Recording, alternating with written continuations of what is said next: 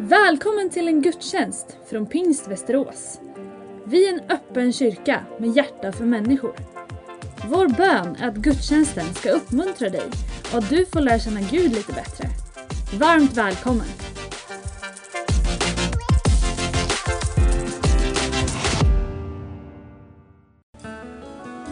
Amen, amen.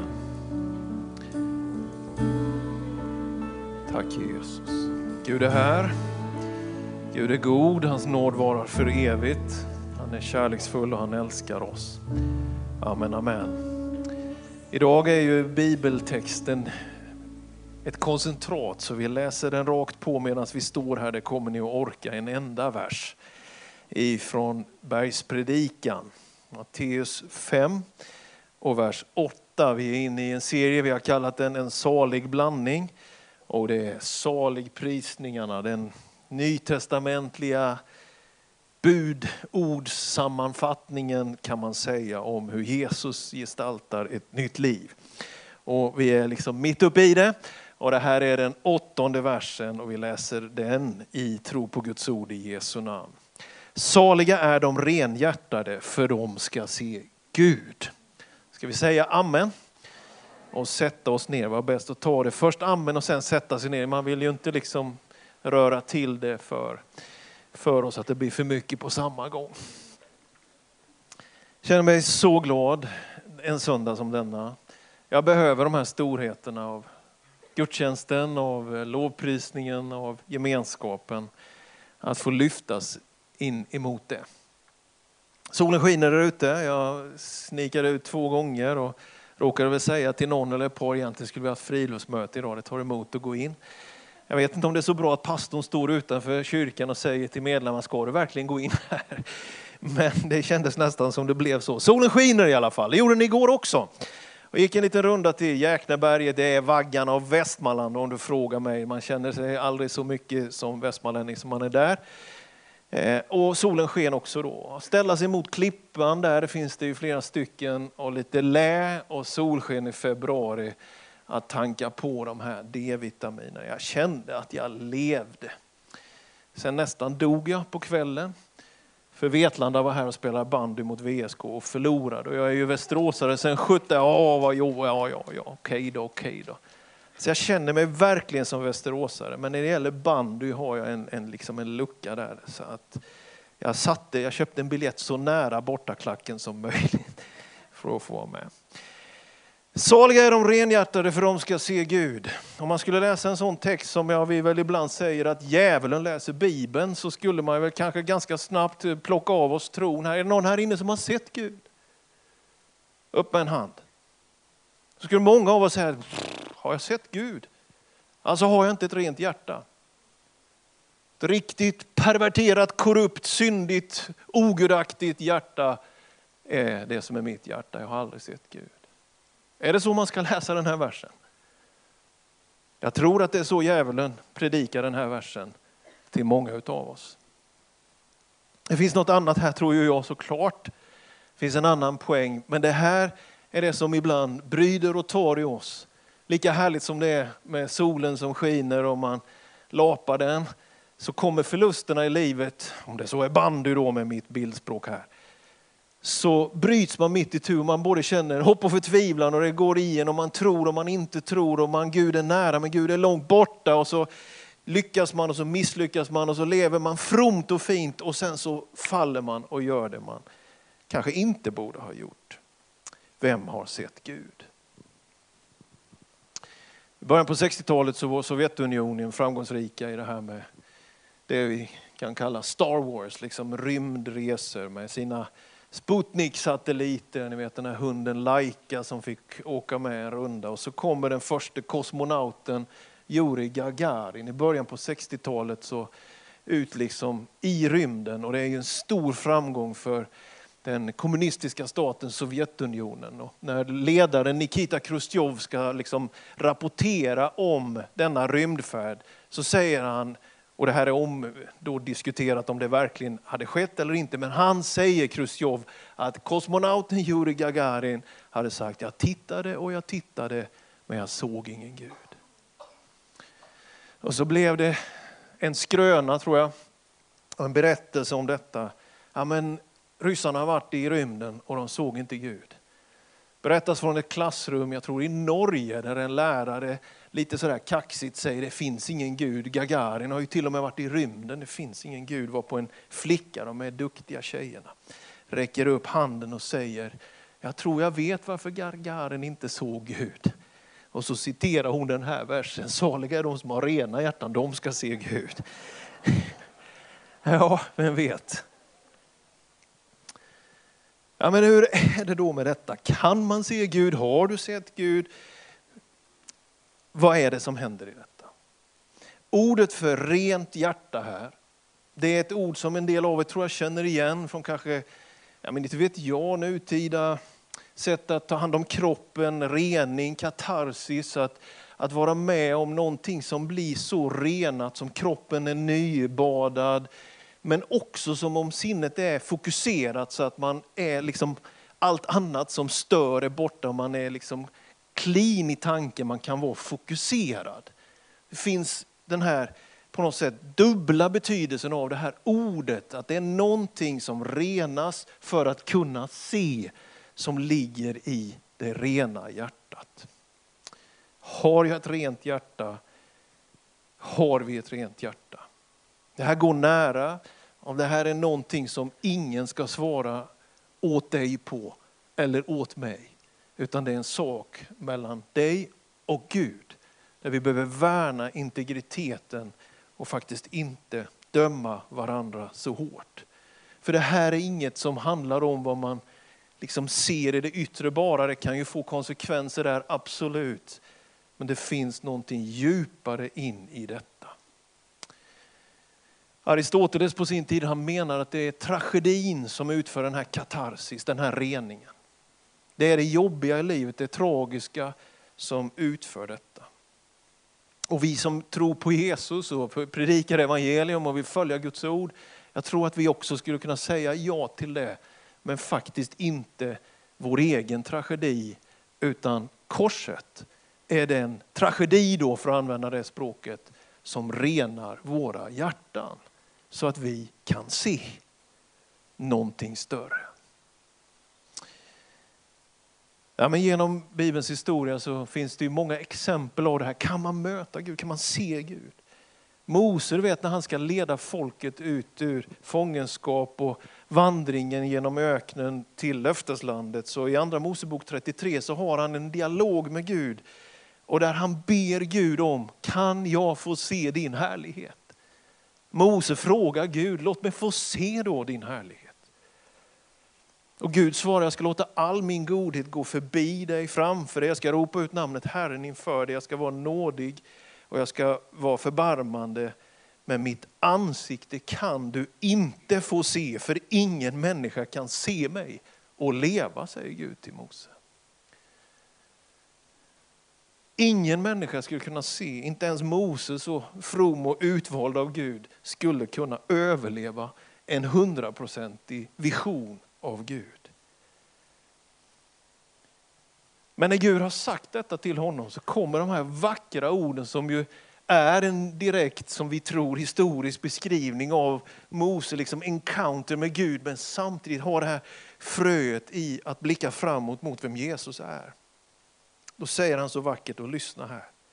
Herren sa till Mose, se här en plats nära intill mig. Ställ dig där på klippan. När min härlighet går förbi ska jag ställa dig i en klyfta i klippan. Jag ska låta min hand vara över dig tills jag har gått förbi. Sen ska jag ta bort min hand och då ska du få se mig på ryggen. Men mitt ansikte kan ingen se. Mose han behöver, han känner att jag behöver få se Gud. Om jag ska leda allt det här folket så måste jag ha en bild själv, vem du är. Han har frågat tidigare efter hans namn och Gud gensvarar och säger, säg att jag är, har sänt dig. Men Mose vill se Guds härlighet, han vill se mer av det där som väger tungt, för det betyder ju ordet härlighet, det där som definierar hela tillvaron, det där som är själva prototypen eller originalet, the blueprint för allt av existensen. Låt mig få se det. Men det är som att Gud också vet att hans skapelse tål bara vissa proportioner. Det går inte att plugga rätt in i vilken reaktor som helst på vilket sätt som helst. Men Gud bryr sig om Mose. Han säger, här finns en plats på klippan. Ställ dig nära mig. Och så ska jag låta min härlighet gå förbi dig och tillbaka till Jäkneberget och solskenet i februari mot klippväggen i lä och solen så är det som att rubriken för den här predikan är att solen och klippan möjliggör en plats där vi kan vara med rena hjärtan och ljuset får komma och någonting förvandla våra liv. Det finns någonting som är bergfast, ställ dig här på klippan. Men det finns någonting som spänner över allt annat som är det som är ursprungligt och det som är bestående. Och C.S. Lewis han säger om kristendomen att jag tror på kristendomen så som jag tror på solen.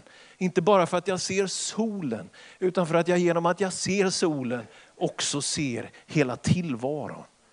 Det är någonting som sker i det här. Saliga är de renhjärtade för de skall se Gud.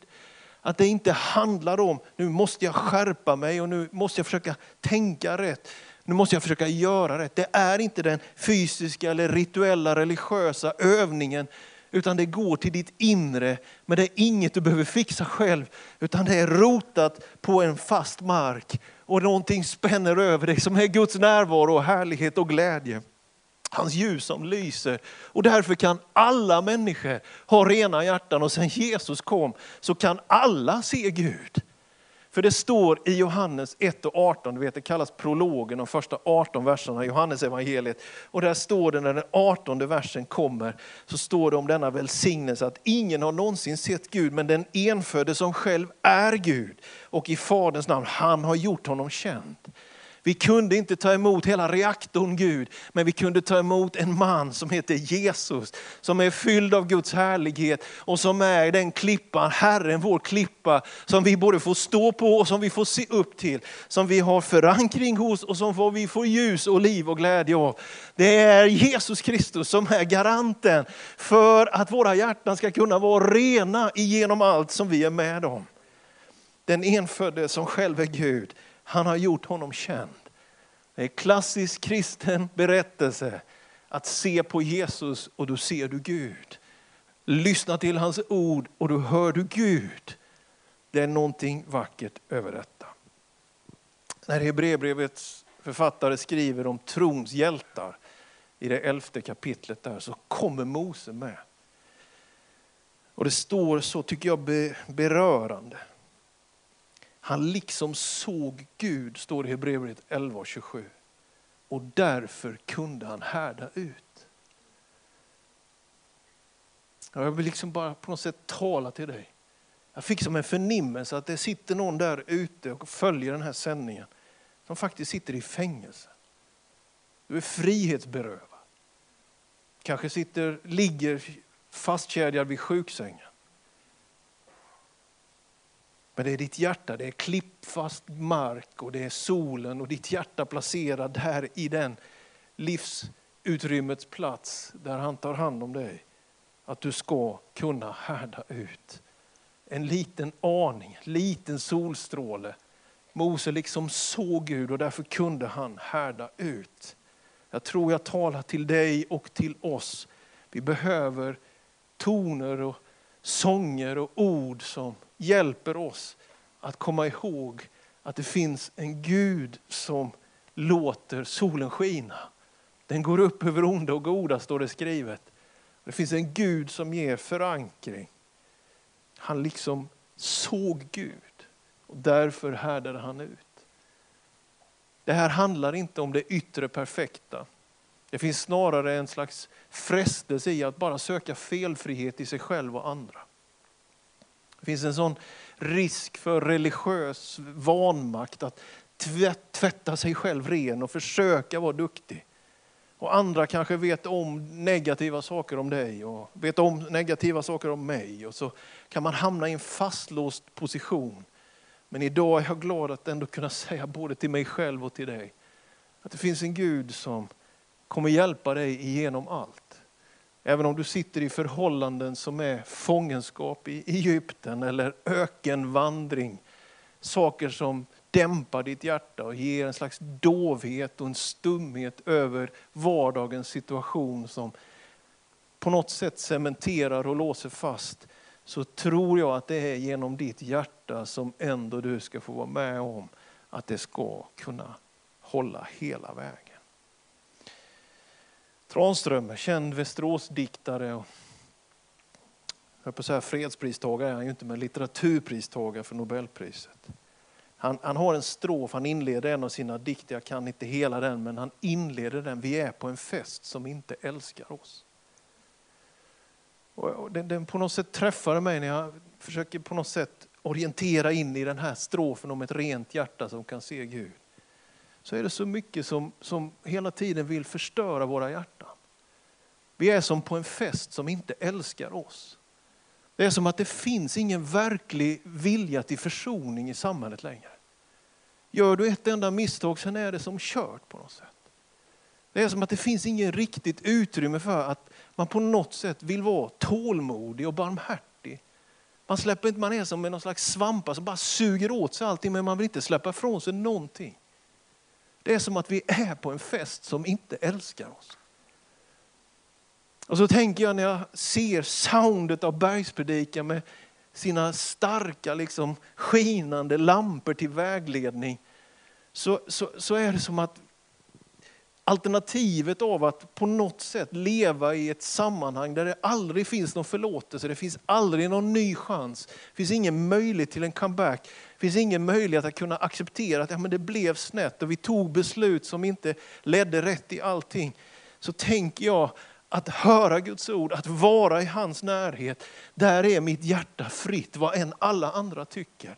Vad än du sitter i för förhållande, hur missförstådd du än är och hur olycklig du än är och hur än ditt liv har blivit så tänker jag att hos Jesus finns det en annan slags fest. En annan slags glädje, vi säger salighet. Att det är något djupgående som lyfter att det finns förankring och en sol som skiner. Solen och klippan ger den miljön där du kan få vara glad i Kristus. För det behövs verkligen. Mose liksom som såg Gud och därför kunde han härda ut. Man blir uppgiven ibland, man tänker på det som på något sätt bara verkar hela tiden låsa fast sig utav det som bryter ner oss människor. Och jag ber till Gud idag om det som Bibeln säger om varma hjärtan, om brinnande hjärtan, om öppna hjärtan, om hjärtan som inte är hårda och dömande. Vi har inte Guds, vad ska man säga, uppdrag till att utveckla ett hjärta av sten, utan det finns någonting annat. Och sen, eh, jag vet inte vad jag har haft för, för predikoförberedelse till den här predikan, för Tranström är där och sen kom Ulf Lundell i tanken där. Så jag vet inte, ni får väl be för mig kära församlingsmedlemmar. Men han har ju en, en strofer i en låt som är så här, vill du se ett underverk, vill du se ett mirakel idag? Gå upp på klippan, gå upp på ett berg, gå dit upp och stanna kvar där ett tag. Du behöver inga processioner. Ingen guldbroderad skruv, du behöver inga orgeltoner för att gå upp och möta Gud. Gå upp på klippan. Liksom. Saliga är de som har rena hjärtan, de ska se Gud. Den där platsen där du kan se där du får en vision för livet, en ny blick, att bli kär igen, att bli glad igen, att våga satsa igen, att våga lita igen, att våga riskera någonting igen, att våga utveckla någonting igen. Att se Gud i det som är en fest som kanske inte alltid älskar oss. Sen ska man lägga till den här berättelsen om de rena hjärtan som ska se Gud att såklart är det en framtidsvision i detta. De ska se Gud. Eskatologin, den yttersta tiden. Dessa med rena hjärtan, en dag ska de se Gud. Det ligger någonting framför och Paulus skriver i andra Korinthierbrevet 5 att vi lever här i tro utan att se. Så om du känner så här, har jag verkligen sett Gud någon gång? Nej, men Gud är ande och han har uppenbarat sig i sin son. Han har uppenbarat sig i sin skapelse genom sitt ord och genom sin ande. Men det är som sig bör att dagen som är här nu, det är en dag av tro. Och en dag kommer en dag av syn, av uppenbarelse, av åskådan. Bilden är grumlig just nu, skriver Paulus i första Korinthierbrevet 13, men en dag ska vi se klart. Han liksom såg Gud och därför kunde han härda ut. Jag kan inte erbjuda dig en quick fix. Jag kan inte erbjuda dig smidiga, enkla lösningar. Men han är med dig. Och han älskar dig och han vill hjälpa dig. Och hur du än har i det yttre och hur mycket som än har blivit rörigt och fel i våra liv så kan ändå våra hjärtan vara rätt. Det finns förankring, en bergfast grund. Det finns en sol som skiner över dig och mig. Jag höll på att säga det, kommer väl fotosyntesen på något sätt i funktion. Det här bördiga hjärtat, det öppna hjärtat. Ni vet ljuset strålar som kan omvandla och att kol, ja, vad är det nu? koldioxiden blir kolhydrater eller något. Det är någon, någon kemist eller biolog får uttala sig på kyrkkaffet här sen. Ja, det finns lärare i rummet som kan fotosyntesen. Käre Jesus, hjälp mig. Nej, men det är ju där det blir liv. Va? Det är där det blir syre, man kan andas, det omvandlas någonting så det växer någonting. Men det funkar inte i frysbox, det funkar inte i minusgrader. Och därför så tänker jag att en församling, en gemenskap, det är ju inget nytt att vi har klantat till det. Det är ju inget nytt att vi syndar. Det är ju inget nytt att vi begår fel och ibland skadar det också varandra. Men var rädd om ditt hjärta så att livets erfarenheter inte gör dig karg och beräknad och du kan tala om för allt och alla andra hur de borde vara kristna. Men du är hård på insidan. Gud hjälper dig och mig att det är våra hjärtan vi är rädda om. Saliga, säger Jesus, är de renhjärtade för de ska se Gud. Och det är han som ger oss den reningen. Amen, amen. amen, amen. Ska vi stå upp och så kommer vi gå in i en fas av bön och lovsång mot slutet här. Vi kommer be för Ukraina, be för bönämnen som har kommit in och, och vi är i betjäning också för dig som vill ta emot personlig förbön. Som vi hörde här i inledningen av gudstjänsten så på din högra sida här på nedre plan finns det förebedjare som så gärna ber med dig. Så en stund där du får sitta och stå som du känner och vill och orkar men en viktig stund och moment av mycket bön. Du har lyssnat på en gudstjänst från Pingst Västerås. Har du frågor om församlingen eller vill veta mer om kristen tro kan du gå in på vår hemsida vasteras.pingst.se Varje söndag firar vi gudstjänst tillsammans klockan 10.30. Välkommen att vara med via webben. Sök efter vår Youtube-kanal Pingst Västerås så hittar du livesändningen.